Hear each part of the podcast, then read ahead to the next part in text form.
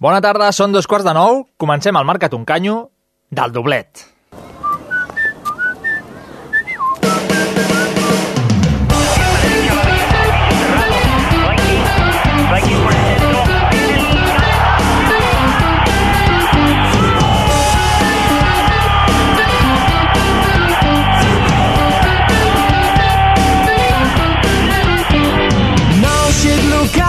A Cultura FM, marca't un canyo.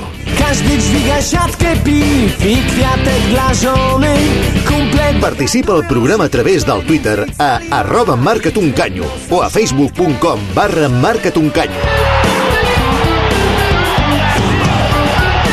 pour Manuel Amoros, Amoros,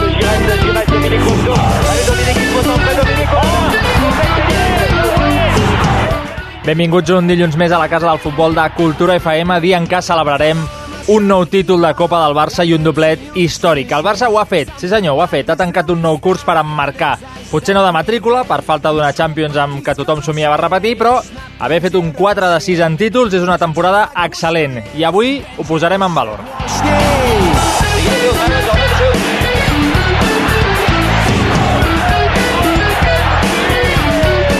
Ho farem amb els nostres tertulians, analitzarem la final de Copa d'ahir al Calderón i posarem notes al curs blaugrana. També vindrà l'Aina Grau amb una peça centrada en una temporada capicua i ho tancarem tot plegat parlant de Mercato, de noms que sonen pel Barça i d'altres que ja sonen pels grans d'Europa. Już chłopaki schodzą się Już napięcie rośnie I ja que parlo de l'Aina Grau, bona nit, Aina. Bona nit. Avui fem una pregunta senzilla a les nostres xarxes socials. Doncs sí, li va, avui preguntem quina nota li posis a la temporada del Barça. La, el- la via per fer-nos arribar la vostra opinió facebook.com barra marcatuncanyo, a Twitter amb arroba marcatuncanyo o al mail del programa marcatuncanyo arroba culturafm.com. Com sempre, al final del programa llegirem totes les vostres opinions i farem la mitjana del curs per veure si aproveu o no als futbolistes de Luis Enrique.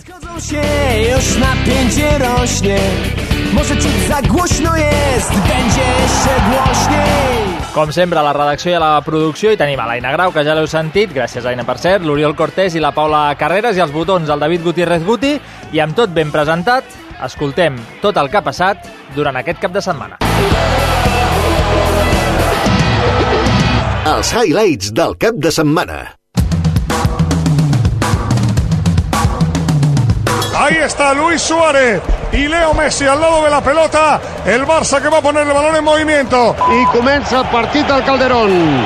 Fa la centrada al Barça. Falta Gameiro, que rep a l'espai, no estan fora de joc, encara Gameiro entre l'àrea Gameiro, continua Gameiro, s'ha fet a Piqué, boníssima la cobertura de Mascherano. ¡Ojo y No borra! no. ¡Kevin Gameiro de Mascherano! Del Cerro que pita falta y a ver de qué color es la tarjeta, la roja. Una pilota dintre l'àrea del Barça. Ha d'intervenir Mascherano. Ha refusat la pilota Mascherano. Ha caigut un jugador del Sevilla. L'àrbitre marcarà directa vermella per Mascherano.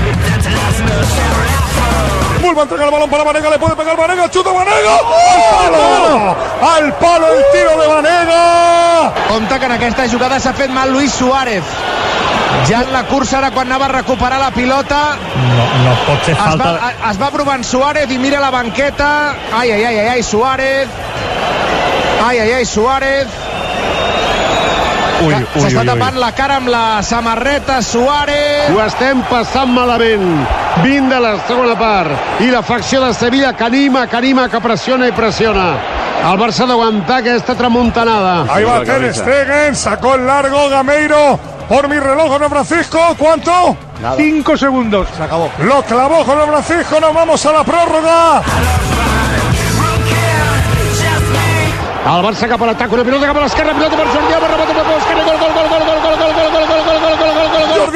站住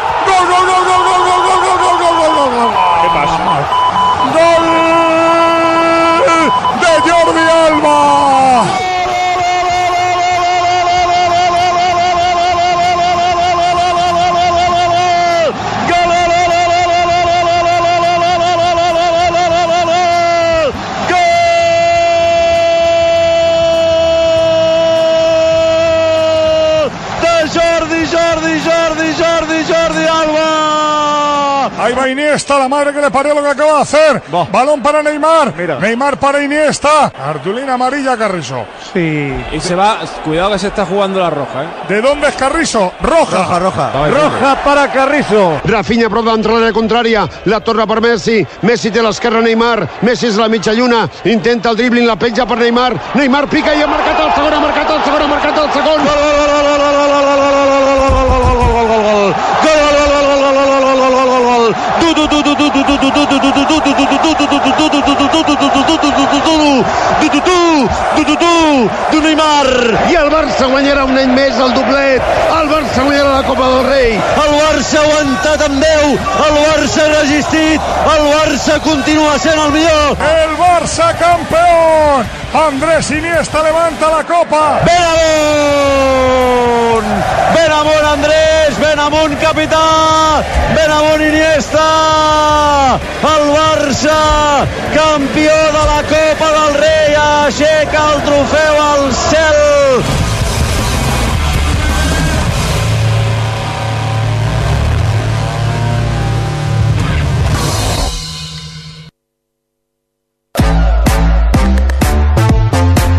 Esteu escoltant el Marca't un canyo a Cultura FM.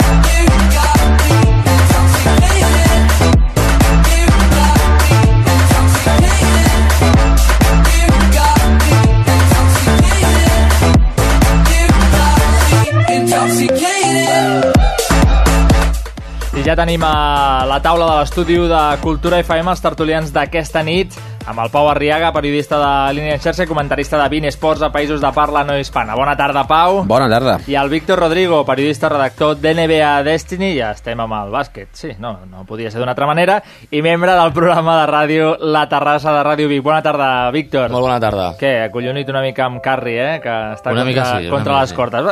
Va, si queda una estona després en parlarem, però el que toca ara és anar a la teca, perquè amb ell repassarem tot el que va passar ahir al Vicente Calderón entre Barça i Sevilla, valorarem els quatre títols de la temporada 2015-2016, parlarem, com no, de Suárez, sonaran noms de fitxatges per a aquest estiu, Dybala, per exemple, tot això i més, aquí a Cultura FM, fins les 10 de la nit. Esteu a punt? La tertúlia del Marca't un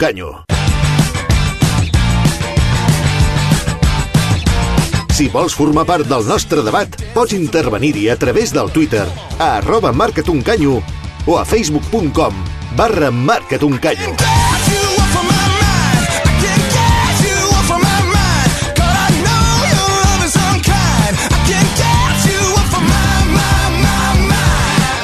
I quan passen 8 minuts gairebé de dos quarts de nou de la nit, el Barça va aixecar ahir la seva 28a Copa del Rei i tanca així una temporada que viurà el seu últim capítol en uns minuts, amb una celebració de quatre títols, una celebració al Camp Nou que acabarà tard, eh? Avui els nens tornaran a anar a dormir tard, però val la pena celebrar Supercopa d'Europa, Mundial de Clubs, Lliga i Copa. S'ha demostrat qui ha donat un cop d'autoritat a aquesta lliga i s'ha demostrat qui és el rei de la Copa. Futbol Club Barcelona, campió de la Lliga. Campió de la Copa del Rei. Som-hi. Va, ho trasllado ja a la taula. Quin valor li doneu a aquest últim títol aconseguit avui? Perquè us recordo que els gols han arribat avui, de matinada. Però ha estat avui, Pau. Sí, ja gairebé queda, queda una mica enrere després de dormir poc, treballar molt i, i ara ser aquí. Doncs, um, la, doncs la sensació que últimament ve, ve transmetent l'equip, que ha reaccionat, ha reaccionat a temps i, a la Lliga eh, i la Copa, doncs bé, des de que ara, ara no recordo si la, les semifinals van ser al febrer, aquest format de competició estrany que té la Copa, que de sobte l'aparques i te n'oblides i dos mesos després amb aquest calendari una mica inversemblant de la, de la federació però molt content i ja parlarem després però mm, particularment tinc la sensació de que era un, un tipus de partit que el Barça fins ara no havia hagut d'afrontar. I va saber-ho fer molt bé Jo fins i tot afegeixo que en aquesta temporada que, que aquest, les, trens, les tres grans competicions, Lliga, Copa i Champions, hi ha aquest em, desprestigi perquè d'un costat de Madrid arriben a la final de la Champions, es desprestigia Copa Lliga, o potser es, men es, un doblet del Barça en contraposició amb una Champions que pot guanyar el Madrid. Eh, jo crec que amb la final de Copa que vam, que vam viure ahir i una part d'avui, el Barça li va afegir aquest punt, aquest plus d'èpica i això encara li dona encara més valor a aquest doblet i pot fins i tot contrastar opinions de que no és que la Lliga i la Copa potser són menys que la Champions, jo crec que són no iguals, però sí que tenen un valor molt gran, guanyar un doblet no és fàcil, i menys dues temporades seguides, i més amb una final d'aquestes característiques, amb l'èpica que va suposar el, el gol de Jordi Alba i després el, el de Neymar. Ara anirem amb aquesta èpica, analitzar si és millor o pitjor un doblet que una Champions, però incorporo avui a l'Aina Grau a la tertúlia perquè ens expliqui quin valor li dona a aquesta Copa, a aquesta Lliga, a aquest doblet. Home, li dona molt valor sobretot pel que comentaven per l'èpica, perquè es va, pel que es va aconseguir. Jo crec que hi va haver més èpica que futbol ahir. No... Al Barça als 90 primers minuts li va costar molt i de fet si el Sevilla hagués arribat a marcar jo des d'aquí tinc dubtes si el Barça hauria tirat el partit endavant però en els pitjors moments és quan van treure l'esperit d'equip guanyador de, de ser el millor equip del món que el fi al cap són això i es van endur la copa a més, és, un, és una rauxa final, diguem, que demostra que aquest Barça sap jugar tot, no? Que, que no és aquell Barça de Pep Guardiola que si no era maco, si no era eh, cartesià, eh, costava molt que tirés els partits endavant i en canvi aquest Barça fent una cosa que se li havia retret moltes vegades en les finals o en, o en eliminatòries, que era que el Barça sempre tenia superioritat, quan li va passar la inversa va saber tenir una reacció de campió és una, és una sensació part, molt, molt particular meva. Segurament aquest Barça um, enamora menys uh, futbolísticament parlant que el, que el de, de fa uns anys, el de, el de Pep Guardiola i el, el de Tito, però és un equip més rodó, és un equip que segurament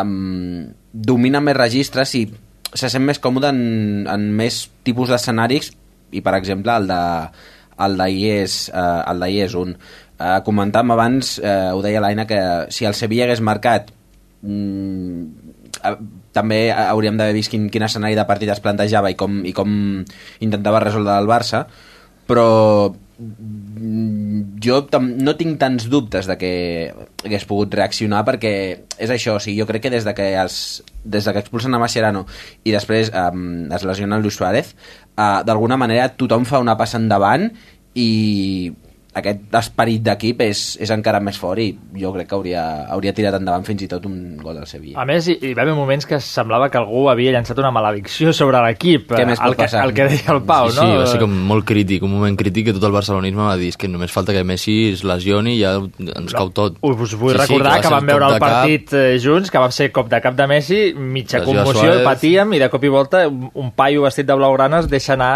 al terra, Luis Suárez, sí, sí. en aquell moment jo he de confessar que no les tenia totes. No, no, ho vam passar malament. A més, el Sevilla estava jugant bé. El Sevilla és, és un bon rival, de fet, un Sevilla que ha guanyat 9 títols en 10 temporades, li afegeix valor, entenc, no?, al que ha fet aquest Barça ahir. I fins i tot jo el que afegiria amb el que deia el Pau de que tots van fer com una passa endavant, jo destacaria fins i tot la columna vertebral dels quatre jugadors que fan la passa endavant, que és Ter Stegen, que es manté com un dels que no se li està donant la retribució que mereix, perquè va ser un dels herois de la final. Ahir Ter Stegen fa un partit reclamant la titularitat l'any que ve. directament, Piqué a la defensa, Iniesta el millor jugador del partit i Leo Messi tirant del, dels millors partits que ha fet per aixecar un, un, un resultat, almenys un resultat sobretot d'anar amb, amb inferioritat numèrica. I amb aquests quatre que donen la passa endavant i els altres fan un joc coral per també donar una passa endavant és que jo crec que era l'únic format de partit que al Barça li faltava amb aquesta èpica amb, amb un jugador menys veient-se la pròrroga i veient-se els penals, tots trencats, el Suárez que es cau, Messi que potser també queia... És un escenari que, és... que potser pensem que domina més el Madrid, no? Sí, el, el de, el de contra. Contra lo sí, que sí. passe i ens és igual i, i eh. 11 Juanitos i aquestes coses que segurament estan allunyades del, de, fins i tot de la nostra manera de ser com a I fins i tot amb això, aquest, aquest ADN d'aquesta columna vertebral també li dona aquest plus de la seva pròpia manera, el Barça fa aquest punt d'èpica i, tant. i partint d'aquesta base tira endavant. Però agafant això que diu el Pau, sempre he pensat en els últims anys, diguem, en els últims dos amb Luis Enrique, que aquest Barça és més Madrid que mai. Enteneu-me l'analogia. És un Barça que ha jugat al contraatac quan d'aquí tothom renegava de que el Barça hagués de jugar mai al contraatac i n'hem fet un valor, hem sabut combinar-ho amb, amb el joc de sempre del, del Barça, és un Barça que ha sabut eh, patir i aguantar i de cop i volta fer dos gols i endur-se un partit, això sempre històricament el culer deia home, compte amb el Madrid, que en dos minuts eh, sembla que no hi Són i, i pam, eh, i Eh. et maten, eh? i això al Barça li faltava. Pam, ho ha aconseguit Luis Enrique. És a dir, l'evolució d'aquest equip ha donat tot allò bo que tenien i li ha incorporat, eh, si m'ho permeteu dir així, i, i salvant totes les distàncies, una dosi de, mm, de, de, de tipus de joc del Madrid que, que sempre criticàvem o, o que suposo que en o certa manera... envejàvem d'alguna manera, De sí. certa manera s'envejava. No sé si... Sí, sí, hi havia si moments claus que fins i tot amb el Barça de Guardiola que eh, era gairebé perfecte futbolísticament, però jo que deies que sembla que a vegades estan jugant com a waterpolo i no, no arrenquen. O com en vol, movent la sí, pilota Sí, movent la d'un- pilota i que, no, que hi ha vegades que potser és millor fotre una patada i cap endavant. I, i sí, sí, jo estic d'acord amb vosaltres. En tot cas, però, vau patir. Ja ho sabeu jo que sí. El Víctor Rodrigo, sí, és eh, el patidor de mena. Jo no, però segurament és per una, per una qüestió d'edat que jo crec que aprens a relativitzar-ho i, i també perquè... Home, però tampoc ets tan gran. No, però... O potser jo estic a la guarderia, no ho sé. No, sí, no, tu, tu per l'edat que tens pateixes excessivament, però això és una cosa que es tracta.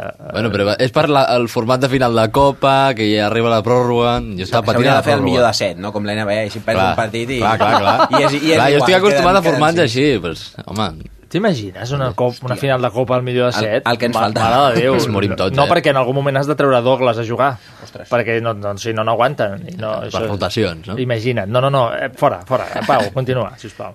Ah, he perdut el fil per, per culpa de la tonteria que acabo de dir. No, de- que- que t'estàs fent gran. Sí, això. Um, T'estàs fent gran, veus? T'estàs fent gran. Sí, sí, gràcies. Uh, no, uh, jo crec que és, és, és for, forma part d'un procés natural um, anar relativitzant les, les coses. A mi aquesta final fa 5 anys m'hagués acabat pujant per les parets, però no sé, ara, ara mateix estic en un... Ara sembla el loco de la colina, això. Estic en un punt de la meva vida que, no ho sé, no, saps? Si el Barça hagués patit, doncs mm, hagués sopat o... I, i, i No, hagués... sopar vas sopar. Sí, Eh, sí, puc sí. Molt bé, molt bé, per cert. Uh, doncs això, no... He, he de- he deixat de, de patir pel Barça i no sé fins a quin punt això és, uh, això és bo perquè potser és una senyal de tranquil·litat extrema que em transmet l'equip. Però jo, clar, jo, jo parlo també des de que jo estic molt mal acostumat, mm -hmm. que jo he viscut eh, l'edat d'or del, Sí. del Barça, i clar, si, si ho posem, jo, per fer una analogia, una final així a l'any 2000, eh, independentment de l'edat, jo crec que haguéssim patit tots, sí. I teníem aquest plus, aquest plus inconscient de que sabíem que el Barça per pebrots havia de guanyar aquesta, aquesta final de Copa i demostrar el doblet i d'aquestes coses. I jo, encara que el, el partit fos molt dur i hi, hi hagués moments que diguéssim potser estem veient un dels pitjors partits del Barça de la temporada tenim aquest plus de confiar de dir vale, estem patint una mica però és que guanyarem A mi és que aquest Barça em transmet una... eh, Ho he, ho he dit abans, no m'enamora com, el de, com el del Guardiola, però em genera una... Mm, o sigui, em genera una confiança total. O sigui, Set títols en dos anys. és com una efectivitat que saps que la, mm. la tenen sí, sí. I, i, saps, I saps que competirà, saps que donarà la cara, o sigui, mm, excepte partits molt, molt, molt comptats, uh, no, en aquests últims anys no, no hem agafat enrabiades amb el Barça, allò amb, amb, amb, amb, amb arguments. Potser com molt aquesta puntual. temporada, aquesta, els 12 punts Exacte, que van perdre... el, el, el sotrac aquest que gairebé li costa la lliga a Però, l'equip. però, però que d'altra banda és normal. O sigui, aguantar Sí. dues temporades a aquest el, nivell... el, el que no és normal és guanyar 39 partits seguits. Això és el que no Ni és fer normal. dos triplets, que és el que volíem. 39 sense perdre, no guanyar 39...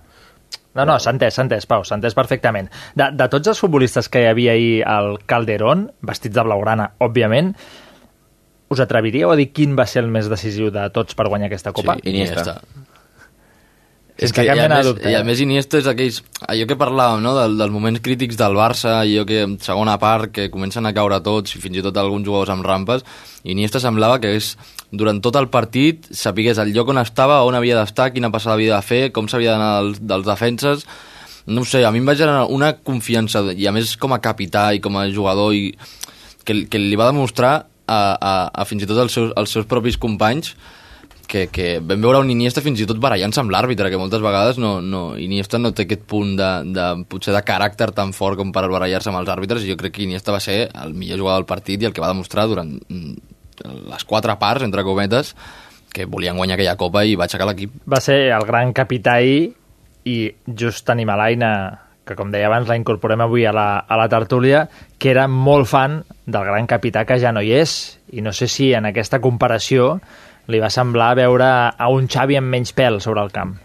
Amb menys pèl i un altre estil diferent perquè l'Iniesta fa molt temps, tampoc molt temps, però fa temps que es parla que s'està acabant, s'està acabant. Per mi ahir va fer un dels millors partits amb el Barça.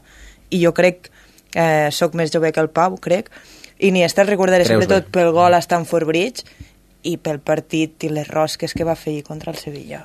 No, no, ahir va, va ballar, literalment. I per mi té un, té un especial valor en aquest Barça de, de davanters, no de migcampistes perquè no oblidem que gairebé la- la- l'aposta de, del Barça és um, tot el trident i en un partit com ahir amb, amb un Neymar una mica intermitent amb un Messi que sí que és veritat que va estar en la seva vers versió més habitual últimament de fer més passades que no mira porteria.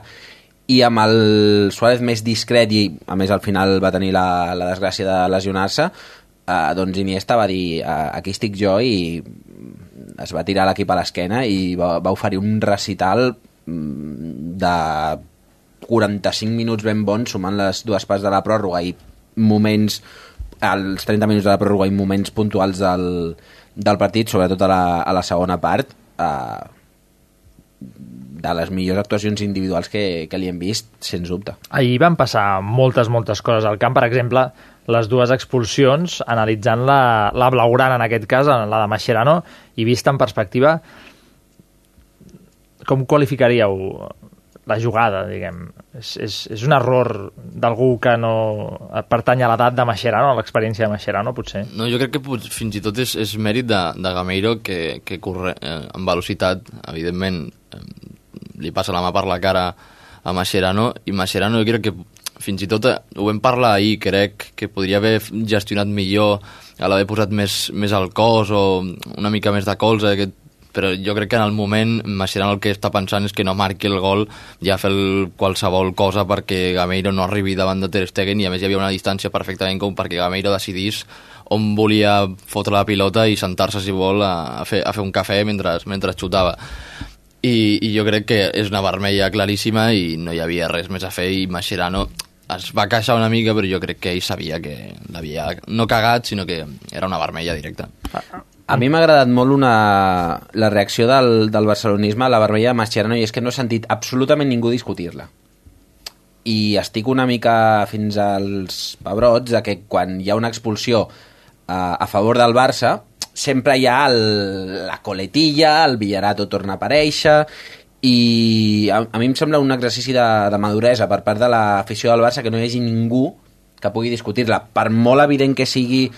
Mm, Sí, sempre que hi ha algú que podria Sí, sí, discutir-la... i, i jo, jo no l'he sentit. És possible que jo he estat, he estat fent coses durant el dia i, i potser No, hi ha no, no, algú... però, però majoritàriament no s'ha sentit. I, de fet, no és la primera vegada que passa. Sí, jo crec que el exacte. Barça porta molts anys, eh, sobretot des de que li van bé les coses, que també és un argument Ajuda. a favor, no? Això també ajuda, però en tot cas sempre s'ha defensat, o si més no, mira, ja que ho dius, jo sempre he defensat que per combatre determinats periodismes grocs que es dediquen a això, no? a, a, a- inventar o, Sí, sí. o a justificar coses que, que no toquen, al final el millor és la ignorància i ser coherent. I la coherència és, noi, vostè és l'últim home abans del porter, mm, Vermella. expulsió. Pel que fa a la, a la jugada en si, mm, el que deia el Víctor, potser hagués pogut estar una mica més canxero i intentar tapar la, la, com, com tibava de la, de la samarreta de Gameiro perquè semblés més un, un frec a frec o un... O un... Sí, però no va amb l'ADN de Mascherano, tampoc. I fins i tot com És- Gameiro és el supera tant amb és velocitat és, honest. que s'està caient És molt- és directament molt mentre arrossega la samarreta llavors és que a, a mi, a la mi fotografia jo, és claríssima. en, en aquest cas, sota signo el que ha dit el Víctor, és un, és un mèrit de Gameiro que amb, amb velocitat li guanya perfectament l'esquena. És una passada molt bona de, de Vanega, si no, si no em falla la memòria, i, escolta, doncs, aplaudir el Sevilla per la, per la jugada que va tenir, que va estar a punt de, mm, decantar el partit cap al, cap al seu bàndol. Sí, de fet, l'expulsió, això sí que ho fa, i parlàvem abans d'Iniesta i, de, i de com va jugar, el que fa l'expulsió és que el Barça amb 10 hagi de canviar completament el, el seu rol. Abans el Pau deia, home, ho hem fiat tot al trident, no? El, el trident era el protagonista, eh, deia, home, ahir un Neymar que estava discret, Neymar a partir de l'expulsió Posa les piles. es posa les piles, es sacrifica per l'equip, comença a fer de lateral, eh, no sé si ben bé lateral, però, però no era l'extrem de sempre, baixava, a ajudar, Messi es posa a fer de, de playmaker, com diríem, eh, tot, tot comença a funcionar, i és un Barça que recorda més el Barça antic, el de les passades, el del joc en comú, el de, mira, si no és per eh, Trident serà per pebrots, no? que, dèiem, que dèiem abans, i en aquest sentit, òbviament mai desitges l'expulsió d'algú, però l'expulsió de Mascherano va treure a relluir els registres que té aquest equip, que semblen infinits. No, no, potser fins i tot en una situació de risc com aquesta i veient en un, en un pla de partit que no contemplaves potser en, en ninguna possibilitat, eh, és un plus, fins i tot jo, jo també destacaria que moltes vegades jo personalment, i ho confesso, he criticat moltes vegades a Luis Enrique per la seva inactivitat ell ho va confessar. Va ser un partit molt difícil per mi perquè vaig haver de fer decisions i no decisions. Jo crec que Luis Enrique va estar molt intel·ligent després de l'expulsió de Mascherano i a sobre l'equip acompanya i és el que dèiem. Eh, aquest joc coral de fer més passades com per intentar suplir que falta un jugador menys al camp els va funcionar molt bé. I Neymar va ser dels jugadors que fins que s'acaba el partit amb les dues pròrrogues és dels que sembla que no, no és que no estigués cansat, sinó que buscava aquest plus d'èpica i estava corrent molt, com molt més, baixava moltíssim, defensava, i després encara, faltant 10 minuts per acabar ja amb 2-0, i encara seguia atacant i buscant el tercer i el que fos. Ara faré una cosa que no s'hauria de fer, que és parlar, parlar en, en nom del, del barcelonisme, però a mi em fa la sensació de que de, de manera unànima tothom va pensar, i alguns cap, a, cap endins i altres cap en fora, en el moment de l'expulsió de Mascherano, que escalfi Matier.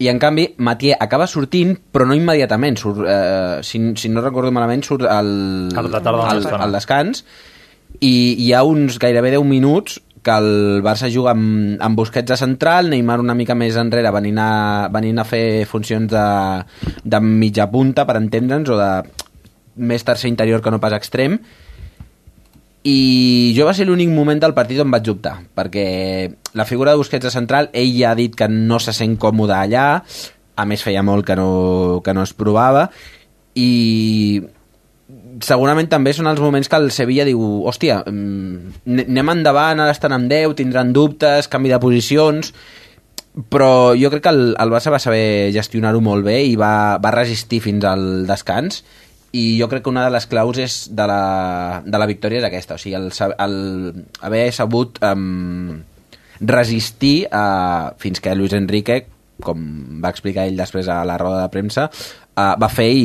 no va fer. En tot cas, a qui li cau millor l'expulsió, i quan parlo de caure-li millor vull dir que aguanta millor, és el Barça durant eh, 60 o 70 minuts, jo no sé quants està sense Mascherano, ara no, no recordo exactament el minutatge, i no el Sevilla, que se- 30 sense Vanega va començar a, a, a desfer-se, un Sevilla que havia jugat molt bé i, i de cop i volta eh, es, va, es, va, es van esborrant a poc a poc. Per cert, que avui s'ha sabut eh, l'abast de la lesió de Suárez, que es va fer el múscul semimembranós de la cama dreta, estarà entre 3 i 4 setmanes de baixa. L'uruguaià començarà la seva recuperació a Barcelona i el dia 1 s'incorporarà a la disciplina de la seva selecció.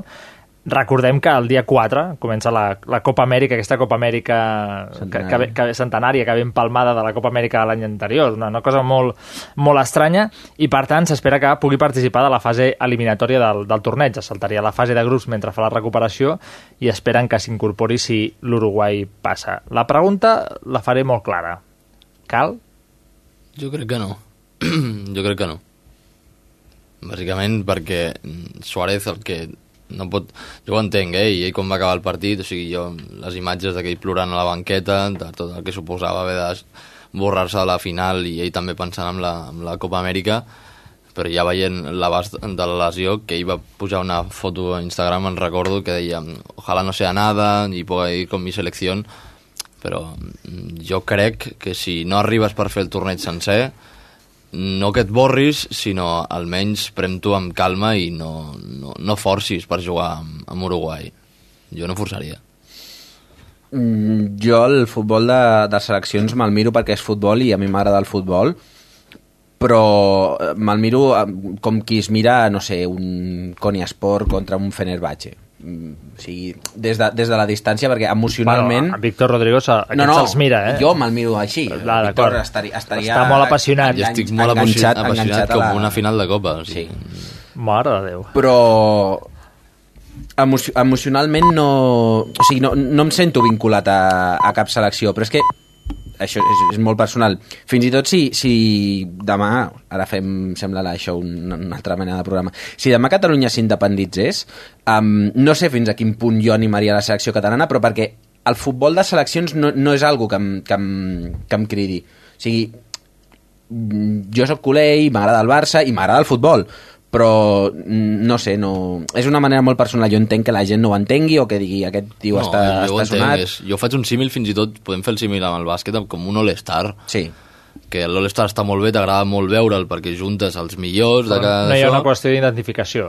però hi ha vegades que no identifiques tant i sempre hi ha, hi ha preferències de club i les convocatòries i el que no sé què, i potser entre uns i entre uns altres també és qüestió política dins del futbol. A mi em sembla que està molt malament organitzat, durant, especialment durant l'any, perquè cada, cada dos per tres i més al, al principi de la temporada t'interrompen totalment el ritme uh, i mm, m'irrita profundament quan hi ha jugadors que es, que es lesionen amb, amb les seleccions o com és el cas del Barça que han de fer un, una quilometrada amunt i avall mm, excessiva i no sé um, egoistament no, no, no vull dir la, la frase "me n'alegro de que Luis Suárez pugui descansar perquè era un dels pocs jugadors de la plantilla que no havia tingut cap lesió, ho havia jugat tot el que Luis Enrique havia volut que jugués però ja li va bé estar doncs això, gairebé un mes aturadet Sí, aturadet, esperem, però que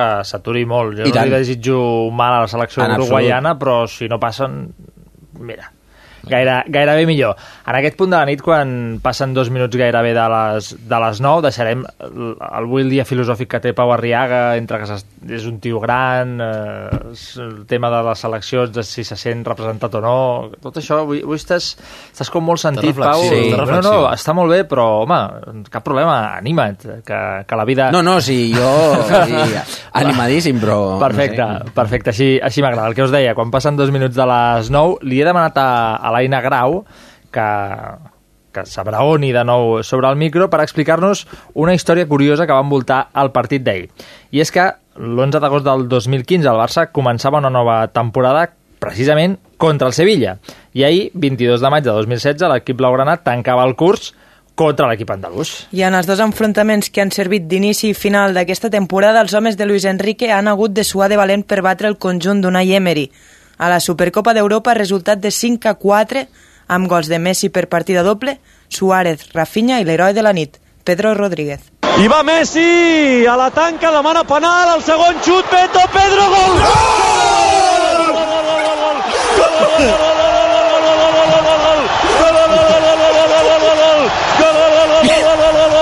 Pedro, Pedrito, Pedro, Pedro, Pedrito, Pedro, Pedro, Pedrito, Pedro. El de la Supercopa era un partit que el Barça afrontava com a favorit després de guanyar el triplet la temporada anterior. Al minut 50, de fet, anava guanyant 4 a 1, però el Sevilla, amb només 25 minuts, va aconseguir l'empat. Compte l'errada ara de Bartra i el gol.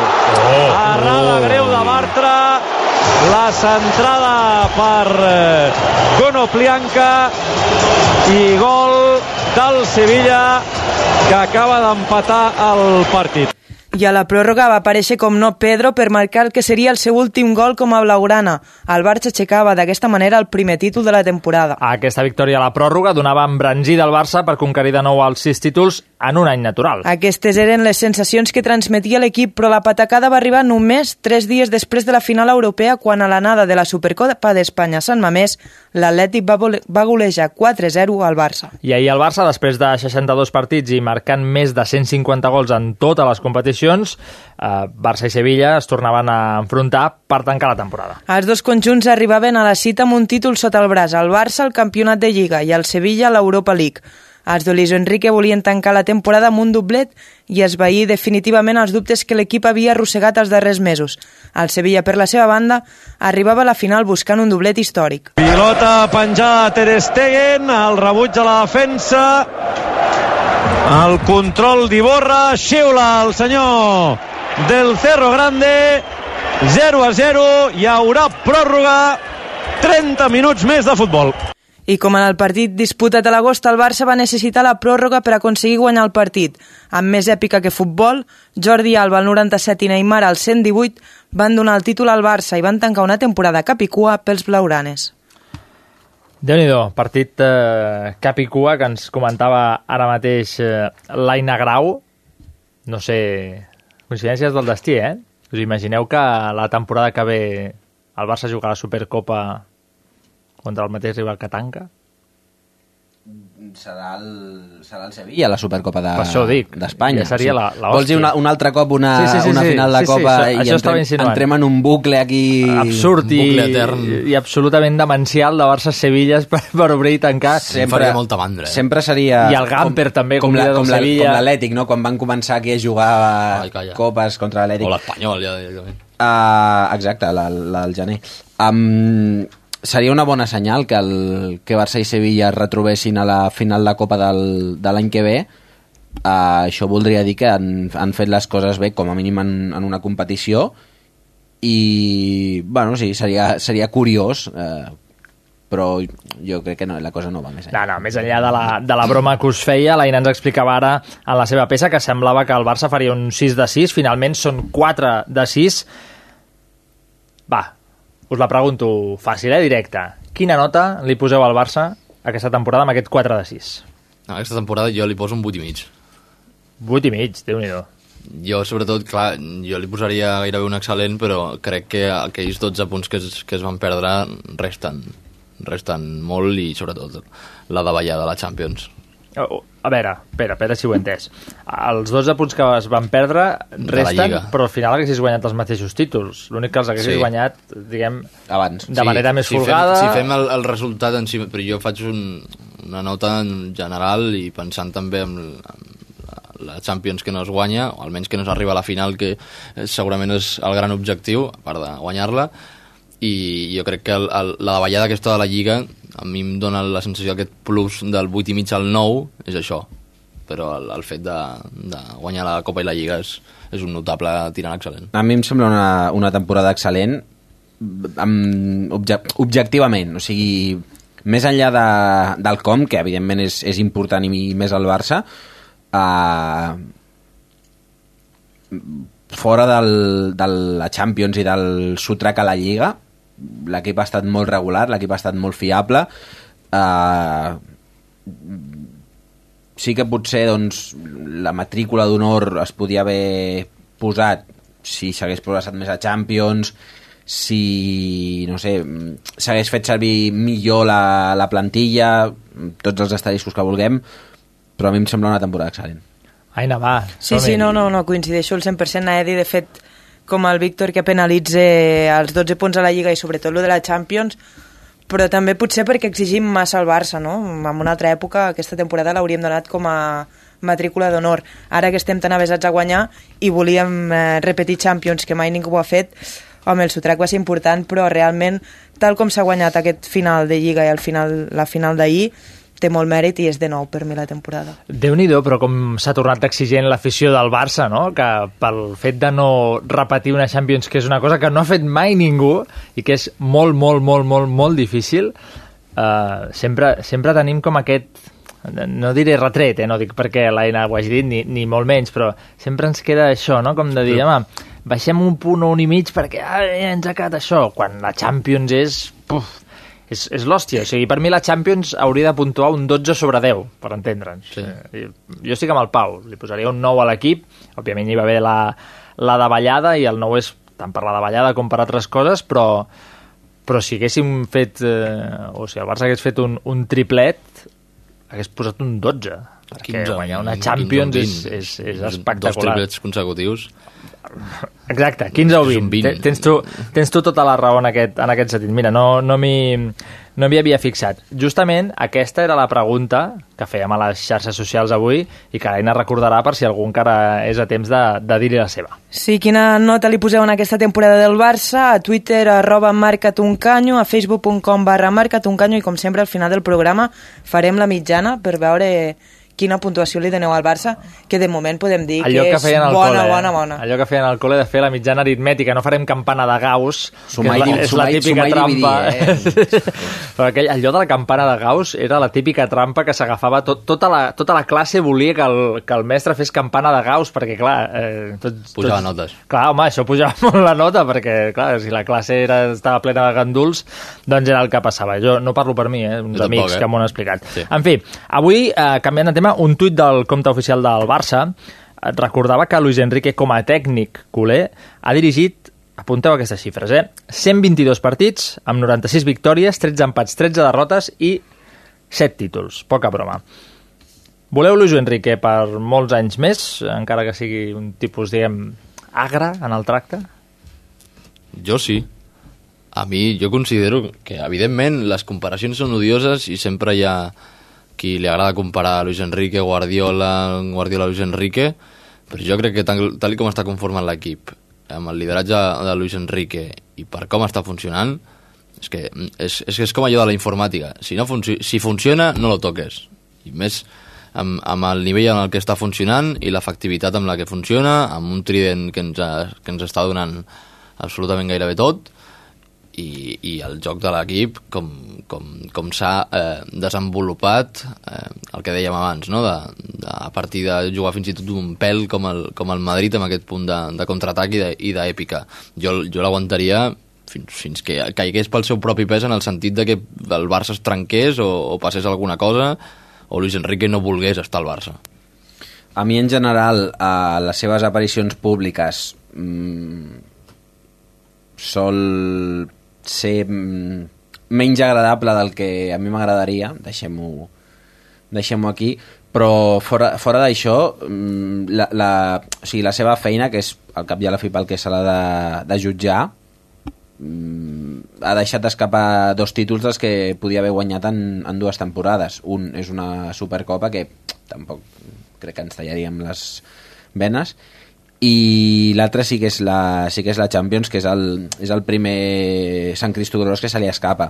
Però sí, sí, sí. Jo crec que el, de moment el Barça no, no presenta senyals ni, ni d'esgotament ni, de, ni de panxa plena ni de cap mm, aspecte uh, preocupant com a mínim a, a mitjà termini i, i endavant amb Luis Enrique. Per cert, això m'han canviat radicalment de tema, no, no té res a veure amb això, però abans el Pau em passava al mòbil per ensenyar-me una notícia i, i m'he quedat tan sorprès que crec que és digne de comentar pels que ens dediquem a això del periodisme esportiu o, o ho intentem, eh, perquè és que Santi Segurola, que estava en una conferència a Salamanca al costat de Javier Ares, han fet una conferència sobre periodisme esportiu, ha anunciat que avui mateix ha estat acomiadat del diari Marca. Déu nhi la confirmació. Segurament és una notícia que hauríem de veure més, més dades i potser eh, ja era sabuda, potser era un dels acomiadaments que havia de fer el grup editorial de marca que ha tingut molts problemes amb, també amb la, Ràdio. amb la seva ràdio, però en fi, no deixa de sobtar que un periodista de la talla de Santi Segurola, un, un tipus que es fa escoltar molt, que escriu molt, molt, molt, molt bé, sigui un dels, un dels acomiadats i, i espero que, que trobi de seguida un altre lloc on, on poder-se expressar perquè li fa molta falta al periodisme esportiu d'aquest país, de l'altre i del de més enllà. Val, dit això, va, ja tanco aquest apartat de, de Lliga i Copa, de la valoració de la temporada que estàvem fent ara, perquè amb aquest títol el Barça ha fet eh, dos doblets seguits, abans ho comentava el Víctor Rodrigo a l'inici, cosa que feia 63 anys que no passava, eh? poca, poca broma. Però en tot cas, ahir va acabar la temporada pel Barça, els jugadors ara marxaran amb les seleccions, altres de vacances, i per tant, donant la part tancada, què n'espereu de la següent? Canvis, títols, renovacions... Endavant, barra lliure. Jo, eh, principalment, evidentment, el, els títols ja pel Barça és que no, no fa falta ni, ni demanar-los ni exigir-los perquè ja forma part, diguem, del que dèiem, no? de l'exigència aquesta de l'afició, fins i tot del propi club i de la plantilla, que no, no, no pensen en altra cosa més que anar, anar repetint títols i anar trencant els seus, els seus propis rècords. Jo dues coses que, que li demanaria potser l'any que ve a, a, a l'equip és eh, recanvis, necessitem banqueta, sobretot perquè ja s'ha demostrat que hi ha moments al final de temporada que, que és, necessària, que no pot ser que un, un club de talla mundial i el que deia abans l'Aina, que és el millor equip del, del món, no tingui aquest format d'equips europeus, que tingui una banqueta amb suficient nivell com per aguantar aquests, aquests trams finals de, de temporada i després el, el, la gestió una mica també de, de una gestió tàctica, de canviar una mica, de no estar tan, tan, tan, tan depenent moltes vegades del trident i que el centre del camp es reforci per, per, poder, per poder jugar, no a l'estil Guardiola, perquè és evident que no, no juguem així en aquests moments, però sí que crec que defensa i centre del camp s'haurien de reforçar i, i plantejar-se d'una manera diferent. Per no repetir el, el que ha dit el Víctor, que per cert estic completament d'acord amb ell, um, doncs podem parlar també de institucionalment al Barça, uh, que no hi hagi més pollastres als tribunals, uh, que es resolgui d'una punyetera vegada el, el tema del, del patrocini, i ja que s'ha fet una aposta pel, pel nou Camp Nou i l'Espai Barça i el nou Palau, etc, um, que es comencin a fer passes en aquesta direcció en vista de que econòmicament la cosa millora després de que fa uns dies també hagi transcendit el nou acord que s'ha signat amb, amb Nike. En parlarem, en parlarem d'aquí una estona i de noms també, eh? Perquè sonen, sonen noms, sona, sona Dybala, sonen altres noms molt d'hora. Només acabar està sonant molta gent, molta gent de la Juve, eh? també parlarem de Morata, però això serà d'aquí una estona. Així que, vinga, eh, canviem de tema, que, que encara ens queda molta teca i marxem de compres al Mercato. Marca't un canyo. Els dilluns, de dos quarts de nou a 10 de la nit, a Cultura FM. Escolta'ns en streaming i també a la TDT.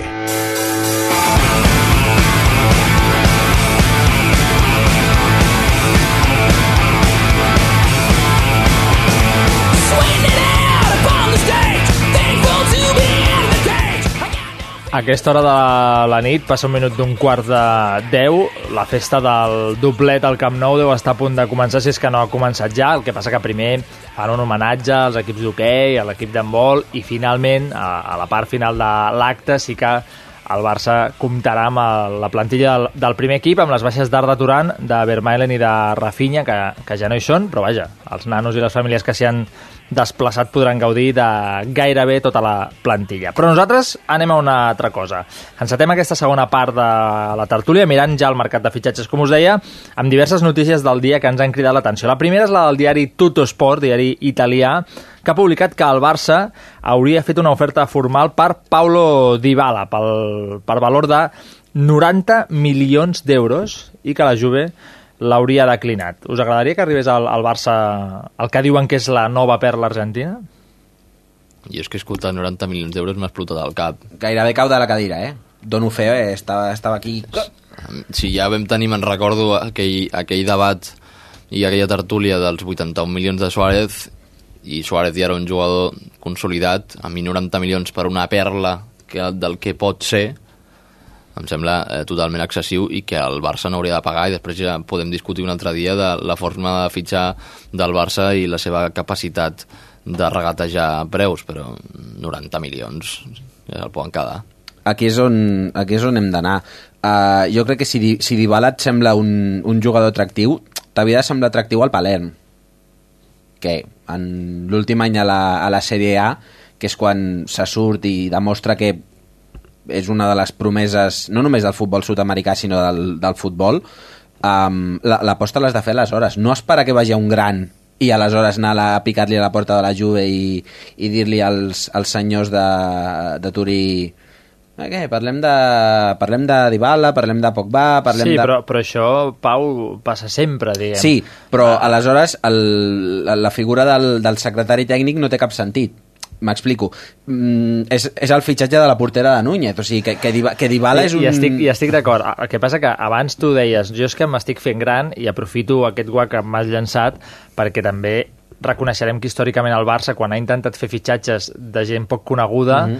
la gent ha estat molt a sobre i si han fallat, llavors és que no fitxem estrelles contrastades, és que perquè anem a per projectes que no, sabe, no sabem si triomfaran, se'ls hi fa el, el camp se'ls hi fa gran, no? Aquella teoria de Sí, el el Camp camp no Nou se'ls hi ha fet gran, cau. no? Eh, Bueno, entenc, entenc el teu raonament, eh? Mira, l'exemple més proper, ho comentàvem ahir, mirant el partit junts, eh, el de Dembélé.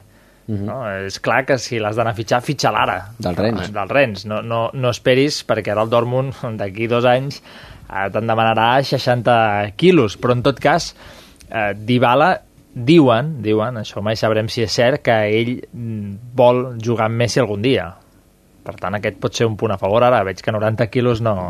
I, jo, perdoneu, eh, no, no conec molt el, el jugador, crec que era extrem o, o, o media punta. Davant, davanter, eh, té, jo, pot, jo, pot caure a banda, però no... Jo llavors pregunto, mm, amb una perla d'aquest- d'aquesta calibre, ne- necessitem que el primer fitxatge del Barça sigui un davanter extrem per En 90 quilos, per l'amor de Déu. Si, o sigui, portem tota la temporada dient que ni defenses ni centre del camp, ara anem a, a, a, a fitxar un, un tio per 90 quilos que estarà allà davant quan ja tens gairebé tot cobert. Clar, aquí, aquí el Barça té un paper complicat a l'hora de fitxar perquè és cert que et cal un recanvi per si algun de les tres bèsties de dalt es trenca, però... Es, Però no a qualsevol preu, tampoc.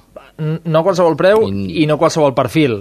No sé, sí, Paulo Dybala segurament té 22 anys, eh, no li importaria ser suplent una temporada o potser dues, però és una estrella emergent, sap que molts equips li van al darrere, per tant, no és Henrik Larsson, eh, allò Clar, i- que estava a la part final de la seva I carrera. 22 anys i que està despuntant tant una o dues temporades sent suplent i de, i de, i de quins tres, jo crec que és trencar-li també la, Clar. la projecció. Però torno al meu comentari. Eh, sempre ens fixem en l'exemple de Henrik Larsson. Quan fa de, Henry, de Henrik Sí, Larsson? jo crec que fixar-se tant de Hen per Henrik Larsson és un error. No, no, no per un error, perquè simplement no has trobat mai un tipus com ell. Per això et dic, o sigui...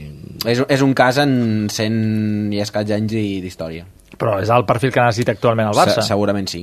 Al davant, eh? Ha, Sí, sí, no, exacte. Hi ha posicions anem- que anem les, per anem per línies. les has de reforçar amb, amb tot temps eh, més grans. En tot cas, aprofito que parlem de la Juve perquè fa una estona remenava l'edició digital del diari Marca i hi ha una notícia d'aquesta mateixa tarda de, de les 8, poc abans que comencéssim el programa, en la que els companys de Marca explicaven que el representant de Morata ha estat a les oficines del Madrid òbviament per, per altres qüestions, però que sí que sembla ser que el, que el Madrid està disposat a pagar els 30 milions d'euros amb el que xifra el retorn del davanter de la Juve al, al Madrid.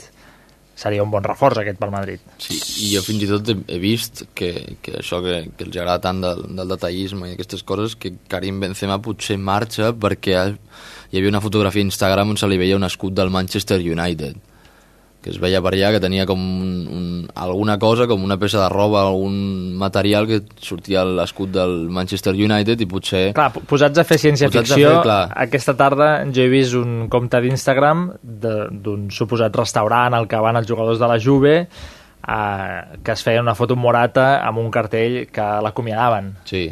Que li deien ens veiem fins aviat o, Adiós, o que et vagi sí. bé o, o alguna història així. Per tant, sembla... Clar, Clar, són elucubracions i ciència-ficció el que deies tu, Uri, però mm, no ho sé, si, clar, si, si ha de venir Morata per 30 quilos potser haurà de sortir algú, No, no, clarament, òbviament. eh, Mo- Morata està per ser titular, evidentment. claríssimament. Està per ser titular, però porta tot l'any sense ser-ho. Quan, quan Allegri ha pogut triar, ha triat Mandzukic i precisament Dybala per davant, per davant d'ell, i fins i tot, mm, evidentment no, no tinc els minuts de la Juve al cap, però eh, Simone Zaza ha jugat moltíssim i això li, li ha fet de guanyar-se un, un lloc a la prellista d'Itàlia. O sigui, Morata ha jugat, ha estat important, de fet va, marcar el gol que li va donar la, la Copa d'Itàlia a la Juve el dissabte, però en cap cas ha estat titular indiscutible amb la Juve i no sé fins a quin punt el, el madridisme aplaudiria eh, gastar 30 milions en un jugador que va marxar sent suplent, ha marxat, no s'ha consolidat sí que és veritat que ha crescut és, és, és indubtable i, i em sembla un, un davanter mm, notable no, no direm un crack però un bon jugador que domina diversos registres però no sé fins a quin punt el, el madridisme aplaudiria gastar això a... seria potser una mica un cas Carvajal eh, marxes, ho fas bé fora i guanyes el bitllet de tornada. Jo crec que en, en el perfil ADN aquest de, del Madrid, perdó, eh, que torni un jugador com Morata d'aquest perfil de, de la fàbrica i espanyol i en el que, aquest, aquest perfil que tant potser li falta al, al Madrid des de, des de Raúl, de tenir un, un davanter centre espanyol d'aquest calibre, calibre perdó, eh, jo crec que el veuríem bé. Fins i tot, jo faig la, allò que deies dels minuts amb la Juve, Kroos mm, no jugava gairebé mm, el, que Al era el pes al Bayern i era suplent per Guardiola. I va arribar aquí com si fos eh, titularíssim a on jugava i per on trepitjava Kroos. Semblava que no hi havia ni un altre centrecampista alemany. Jo crec que pel perfil del Real Madrid si surt un altre davanter posem el cas de la ciència-ficció de Karim Benzema Morata jo no ho veuria gens malament i a més ell coneix aquest perfil madridista a l'afició jo crec que aplaudiria perquè un perfil Morata els hi agrada i si funciona doncs, mira, tindrien un, un nou molt bo Us, us he buscat la data mentre estàveu en ple debat. Álvaro Morata ha estat el 14è jugador en minuts de la temporada a la Juve. Té per davant a Alexandro, a Sami Khedira, Cuadrado, Chiellini, Lichsteiner, Marquisio, Mandzukic, Ebra, Dybala, Barzagli, Pogba, Buffon i Bonucci. Bonucci ha estat el futbolista amb més minuts a, a la Juve. En tot cas, jo crec que el que pesa més és, és la, la temporada anterior. Florentino veu que ha deixat escapar una perla al planteu, una perla que li arriba a la final de la Champions contra el Barça. que marca Que marca... En que... tu cara. Exactament, i això no ho suporta. I, I això és el que fa que ara el Madrid vagi, vagi a per ell, independentment de que, òbviament, Morata segurament no ha fet tan, bon, o tan bona temporada aquesta com, com en l'anterior. En tot cas, ja que parlàvem d'això, parlàveu del United, eh, esmentaves tu ara al United, l'altra notícia del dia és que Luis Van Gaal ha estat destituït i sembla ser que demà es farà oficial el fitxatge de, de Mourinho. Guardiola deu estar contentíssim. Sí, i més, jo crec que també vaig llegir que, que Mourinho arribava, però amb condicions altíssimes de dir que em, arribo jo i em carrego mitja plantilla i la monto com, com, com em dóna la gana. I no ho sé, jo crec que també Mourinho al United jo no ho hagués pensat mai.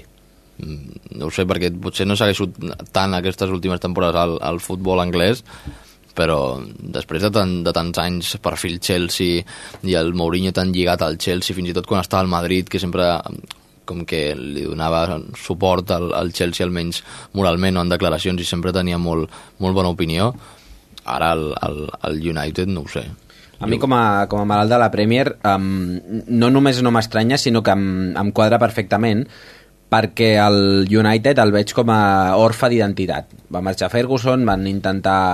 Bueno, va haver-hi un experiment, diguem, poc exitós amb David Moyes, uh, va, va haver-hi la cosa estranya aquesta de geeks, mig jugador, entrenador, una cosa bastant rara uh, per acabar una temporada, i aleshores van apostar per Van Gaal, però no sé, m'ha fet la sensació Van Gaal ha fet moltes coses molt, molt bé com treure Lingard, treure Marcus Rashford mm, Borgwich Jackson i algun, algun jugador més però em fa la sensació que al United li, li falta aquesta mm, aquest emblema que, que era Ferguson i a mi la, la figura de Mourinho amb tots els matisos i les diferències entre un i altre em sembla que al, que al United li vindrà molt bé i és una cosa que li passa a l'Arsenal en l'era post-Wenger. Els Gunners estan enfadats Wenger, mm, ah, Wenger out no guanyen res des de ni se sap però el post-Wengerisme jo crec que serà més d'un cara perquè a banda de ara és futbol ficció, però en el cas de no continuar guanyant, ni tan sols tenen la, el tòtem aquest, la, la figura reconeixible per, per agafar-te. I, hòstia, jo crec que Guardiola sí que no, no deu estar massa, massa content perquè Manchester tampoc és que sigui una, una No, megalòpoli no, no, no, no, i és molt Es possible trobaran, que més d'una nit a la, a la Sopant. pizzeria de turno eh, acabin coincidint i a veure déu nhi seria, seria màgic, eh? Es pagaria molt bé una foto de Sí. tots dos coincidint en la mateixa O una baralla, pizzeria. Jo, jo això estic amb el, amb el Pau. Eh, el que passa que, que Mourinho, si tiro la memòria enrere, és un entrenador que desgasta tant els seus equips que, que fa períodes curts. Per tant, mm. entenc que el United és, diguem, té al cap o, o és conscient que fitxa un entrenador per revifar un equip, per revifar la història d'una entitat que està en hores molt baixes i tornar-lo a posar a l'elit i que, per tant, en el fons no deixa de ser un pont de 3-4 anys. No? Mm. Dubto que Mourinho s'hi estigui, s'hi estigui gaire més. Ara bé, amb Mourinho no tingueu cap mena de, de dubte que el caràcter guanyador que li ha faltat al United les dues, tres últimes temporades tornarà i que a més traurà gent jove amb molt de potencial, revifarà gent que aparentment està morta i vull pensar en fitxatges com el de Memphis Depay que va ser el gran fitxatge i que ha estat un fiasco, si no marxa probablement Mourinho s'ho agafi com, com una cosa personal i un altre dels noms que sonava avui amb tot l'enrenou de Louis Van Gaal Mourinho dins és el de David De Gea perquè David De Gea porter pretès pel Madrid, porter que fins fa uns dies les informacions indicaven que ja havia posat preu a la seva sortida cap al Madrid perquè aquest any no hi hagués un fax que l'impedís amb l'arribada de Mourinho potser es podria quedar. Sonen, sonen mals temps per Florentino. Com, com vam riure amb el, amb el fax. Um, sincerament, crec que el, el millor jugador de la temporada del Madrid ha estat Keylor Navas. Així de, així de clar i ja el tenien pràcticament a la terminal de vols privats de, de Barajas amb el, amb el motor de l'avió engegat i amb el bitllet compradet cap a, cap a Manchester fins que al final el, el Dichos Fax doncs, va, va fer que el Madrid fes el ridícul que, i que l'operació... És que això s'ha d'enviar burofax, se sap de tota la vida. Si no és buro, no vale para nada. Sí, sí, els, els, som al 2016 i encara funcionant amb faxes, està molt, està molt bé. Um... Perquè són gent de la teva edat, Pau. Exacte, sí, sí. Jo, jo era més de, de colom missatger, però... Senyales de humo. Senyales de humo però no sé, el, el col·labrot deje al Madrid uf, em fa, això sí que fa mandra perquè és, és una cosa que ja has viscut i és com, hòstia, un altre però, cop. però Mourinho no deixarà anar De Gea així com així. no, i més avui eh, no recordo ben bé on he llegit Mourinho prepara la guerra contra el Madrid que, que era com, hòstia, només faltava que ja anessin a, a tocar-li a De Gea. i que, i que li encanta. I tant i està, tant, està, en su, està en su salsa, però vaja, el que deia en Pau, que, que al final De Gea és un dels millors porters en l'actualitat, segurament a la, a la Premier, i per tant mm, Mourinho no, no es desprendrà d'ell de qualsevol manera. Abans tu mateix indicaves que, que hi havia aquesta oferta de Nike, bé, aquest, aquest contracte nou que, que s'ha oficialitzat, es va oficialitzar durant el cap de setmana. De, de mitja, mitjanit, eh? I allò tothom, sí. tothom sí, dormint tothom i de sobte, pam, comunicado. A una hora, sí, a una hora per treure comunicats que sempre... sempre per les de la matinada. Sí, per la Xina, sí, sempre... per la Xina. També els fan per la Xina, els comunicats? No. La mare que ens va parir. En fi, Uh, el que deia, que encara no ho hem posat sobre la taula, és una de les notícies de, del cap de setmana, perquè l'acord amb Nike fins al 2028 pel qual el Barça pot percebre 105 milions per temporada, que poden ser 155, perquè hi ha una clàusula d'aquest acord en què el Barça recupera eh, diguem, la potestat o la llicència per la gestió de les botigues Barça, que abans estava concedida a Nike, i per tant els ingressos augmentaran per aquesta via 155 milions per temporada. És una brutalitat, eh, no? no està gens malament el tema.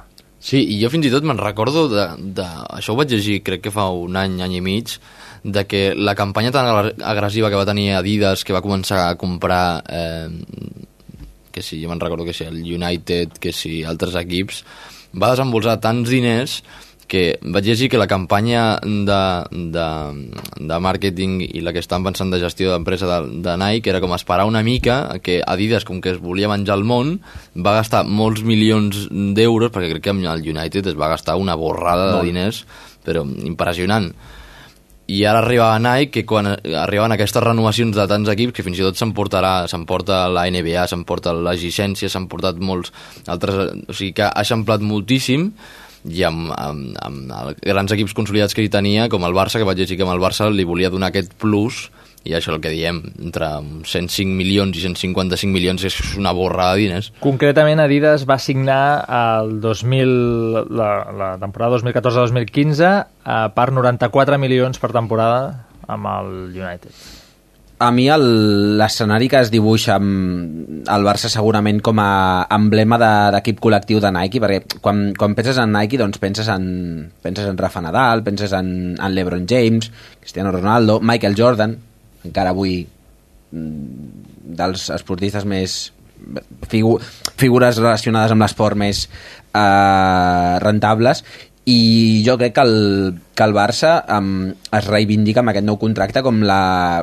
com la aposta d'esports col·lectius de Nike per antonomàcia, més enllà de la, de la NFL, que també és Nike, de la NBA, que serà Nike, i ara no sé si alguna El gran, Lluçatim i aquests. gran lliga... Perdona? El Lluça, Exacte, la selecció americana. de bàsquet Mm, és això, o sigui, no, no, fa, no fa res més que potenciar la, la, la marca Barça, i ara faig servir terminologia um, corporativa que, fa, que es fa servir a, a dins del club, però no fa més que reforçar aquesta, aquesta marca i posicionar-la on es mereix.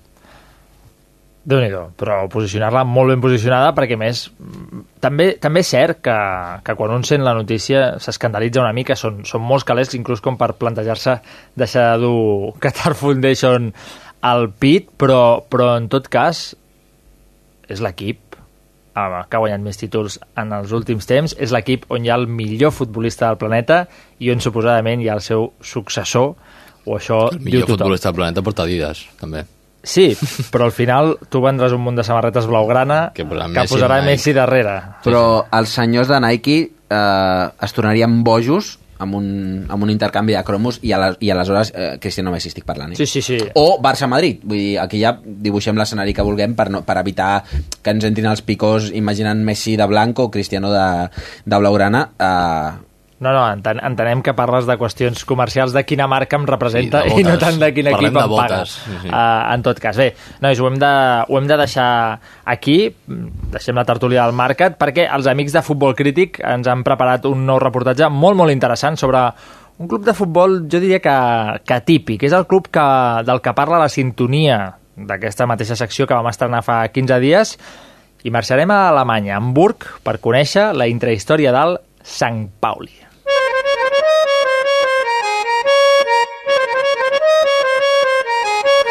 Sull'orlo di una strada, una gara di Hamburg té un club de futbol diferent a tots els que coneixem.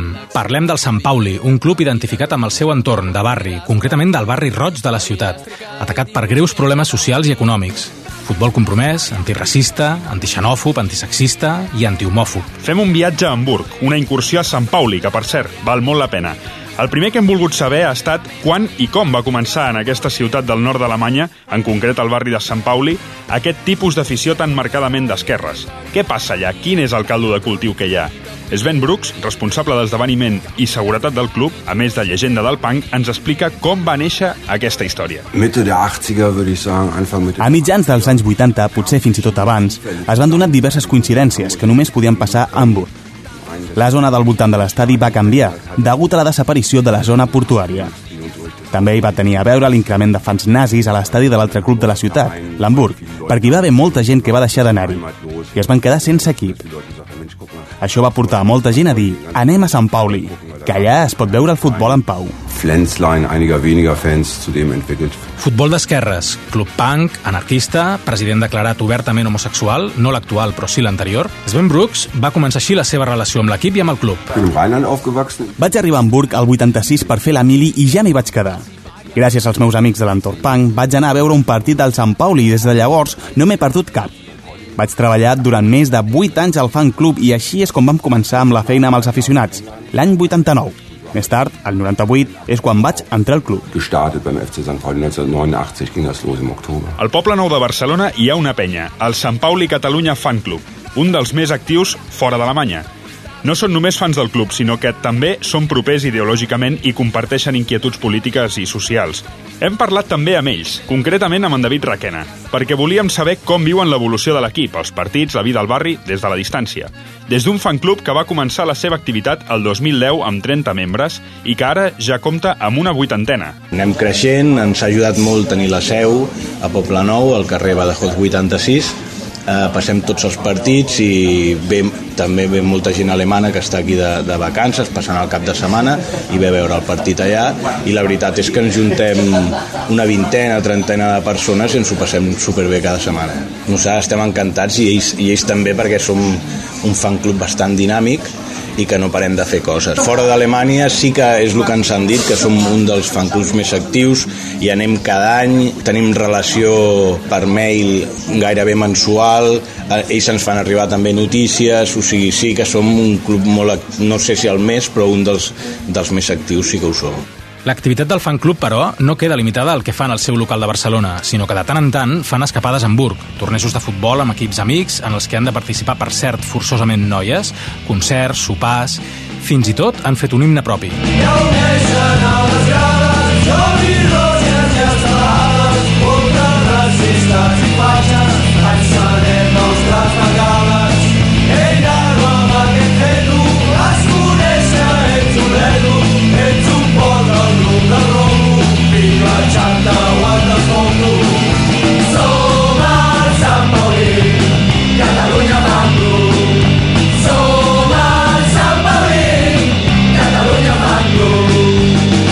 David ens explica més sobre l'edició del torneig que organitzen aquest any. Volem recaudar diners per, per les refugiades que estan patint de Síria i, i convidar-vos a, a venir a, a totes a participar d'alguna manera, si no és en aquest torneig, doncs en alguna de les activitats que anem fent a la nostra seu durant l'any. Catalunya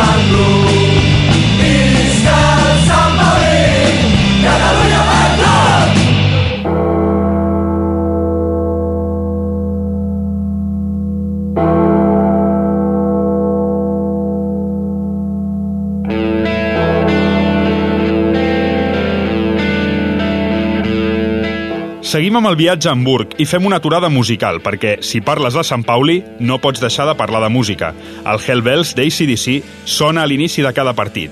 Però és que allà també van començar a fer-se un nom els Beatles, format aleshores per cinc membres. Diuen que en algun dels locals de Sant Pauli, John Lennon havia tocat en calçotets i George Harrison amb una tapa de tassa de vàter com a penjoll. Potser el fet que molts d'aquests locals estiguessin ubicats al carrer Grosse Freiheit, que vol dir Gran Llibertat, hi va tenir alguna cosa a veure. Lennon va arribar a dir que potser vaig néixer a Liverpool, però vaig madurar a Hamburg.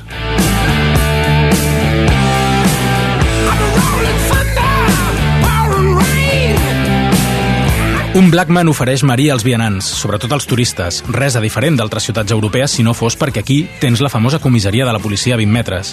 Al costat, també allà mateix, trobes prostitutes, perquè la prostitució està permesa a certes hores i en certs llocs de Sant Pauli. Hi ha un carrer tancat, on només poden entrar homes, ni menors ni dones, tot ple d'aparadors amb treballadores sexuals, a l'estil del barri roig d'Amsterdam, però al llarg d'un sol carrer, amb uns murs a cada extrem que no deixen veure el que hi ha a l'interior.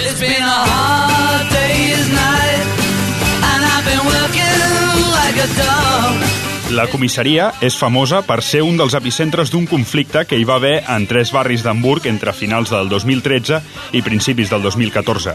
Com dèiem, el barri té problemes socials i econòmics greus. A molts llocs d'Europa es diria que els causants són els immigrants arribats de tot arreu, però la realitat d'un entorn multicultural enterra qualsevol sospita sobre els nouvinguts. Hamburg té el segon port més important d'Europa, darrere del de Rotterdam, i un dels més importants del món, així que tradicionalment estan acostumats a conviure amb estrangers. Però en els últims anys, especialment des de la construcció del megacomplex de luxe Hafen City, o Ciutat del Port, els problemes s'han accentuat. La Hafen City, que s'ha edificat guanyant terreny al mar, ha fet que els preus s'hagin disparat. Sant Pauli és una de les zones més properes i molts dels seus habitants han hagut de marxar perquè no poden pagar els lloguers dels pisos. És el fenomen conegut com a gentrificació, semblant al que va patir el Raval de Barcelona en l'època de les Olimpíades. Arran d'una manifestació en protesta per aquest fenomen i per l'enderrocament de l'emblemàtic centre social Roteflora, la policia va intervenir de manera injustificada i totalment desmesurada, tot i que la manifestació estava autoritzada. Hi va haver aldarulls, detencions, càrregues policials i la declaració de la zona de perill al llarg del perímetre format pels barris de Sant Pauli, Altona i Sternschanze. Mitjançant aquesta declaració, els agents podien aturar i registrar qualsevol persona.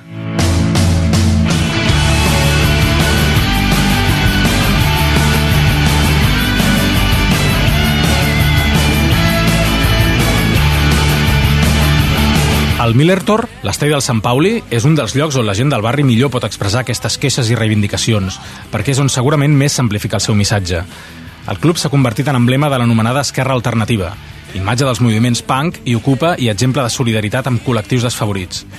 De fet, el club també s'implica políticament i socialment, sent un dels primers, i gairebé únics, clubs en donar suport a la campanya Refugis Welcome, a més de recollir en els seus estatuts una posició clara contra el racisme i l'homofòbia. El club ha actuat en més d'una ocasió per erradicar el sexisme i els greuges contra gais i lesbianes dins el seu estadi. El lema Football has no gender es pot llegir en un dels accessos al camp. Al Millertor sona la Song to the Blur cada cop que els locals marquen un gol. la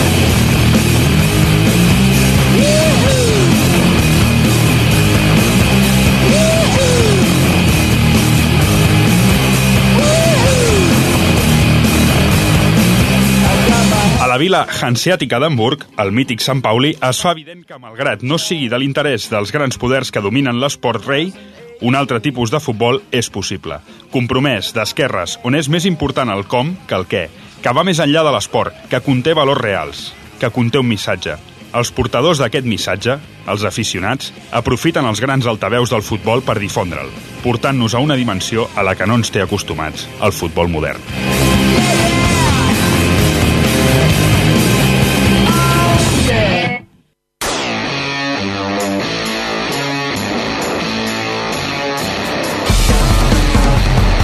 Esteu escoltant el Marca't un canyo, a Cultura FM.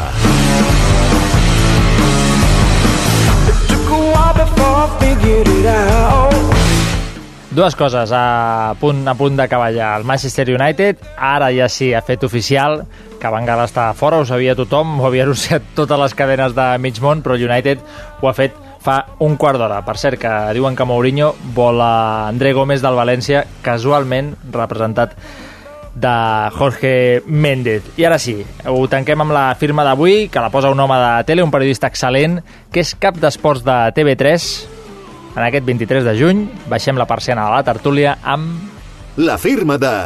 Hola, sóc l'Àlex Castells de TV3. El partit d'ahir entre el Barça i el Sevilla en la final de Copa va ser, en certa manera, un reflex del que ha estat eh, aquesta temporada. El Barça de Luis Enrique, un Barça competitiu, un Barça de caràcter, un Barça que ha sabut sobreposar-se a totes les adversitats. Ahir va ser l'expulsió de Mascherano, va ser la lesió de Luis Suárez. No ha estat un Barça brillant com el de fa unes quantes temporades, ha perdut una miqueta de genialitat i de fluidesa al centre del camp, però sobretot eh, ha destacat i ha marcat les diferències amb aquests tres monstres que tenen allà al davant. Aquest any no els ha servit per guanyar la Champions, però el balanç és molt més que positiu. Fer quatre títols de sis de possibles, incloent-hi el Mundial de Clubs i una Supercopa d'Europa, denoten que aquest equip ha tingut eh, l'enteresa necessària per començar la temporada guanyant un títol i acabar la temporada guanyant un títol. Hi ha hagut fases en què l'equip s'ha desconnectat una mica, només s'explica així que desaprofitessin un avantatge tan gran en la Lliga, però en els moments que han hagut de respondre ho han fet. Eh, amb el Madrid i l'Atlètic de Madrid, el de Madrid a pocs punts de distància, el Barça va ser capaç de respondre a la pressió amb golejades contra el Depor, amb golejades contra l'Espanyol, i és això el que al final ha acabat fent gran aquest Barça. Potser no és un Barça tan preciosista, potser no és un Barça tan meravellós, però és un Barça matador, és un Barça eh, letal, i al final és un Barça campió eh, i la festa dels campions amb aquests quatre títols ho acabarà demostrant. El Barça ha sabut reinventar-se amb Luis Enrique i sobretot ha sabut eh, ser fort i, i resoldre situacions compromeses.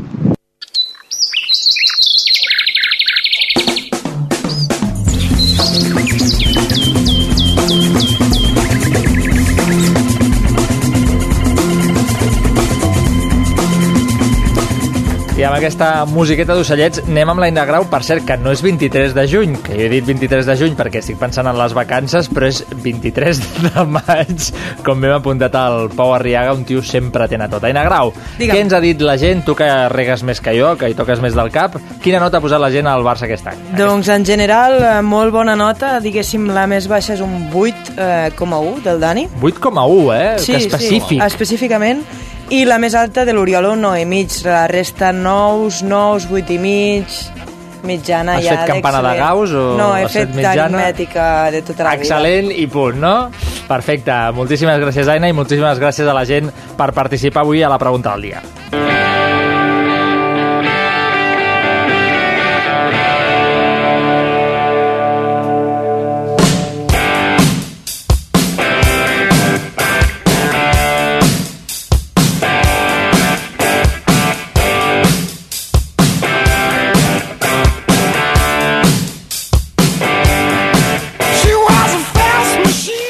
Acabem aquí, al Marca Tuncanyo. Tornem dilluns que ve, que encara no serà juny, serà maig, a dos quarts de nou del vespre, mateix horari, però amb més llum de dia i més caloreta, això sí. Gràcies una nit més a la redacció del programa, amb l'Aina Grau, l'Oriol Cortés i la Paula Carreras, i el Guti a la part tècnica. I per descomptat, els tertulians d'avui, el Víctor Rodrigo i el Pau Arriaga, que són el nostre doblet particular. Si tenim un doblet, són ells, i ben maco que és. I a casa aneu fent el joc aquell de quin jugador fitxaríeu i a quin no, que a banda de l'Eurocopa ens queda un estiu molt, molt llarg per anar de compres. Com sempre, us desitjo que tingueu una bona setmana i que el futbol us acompanyi.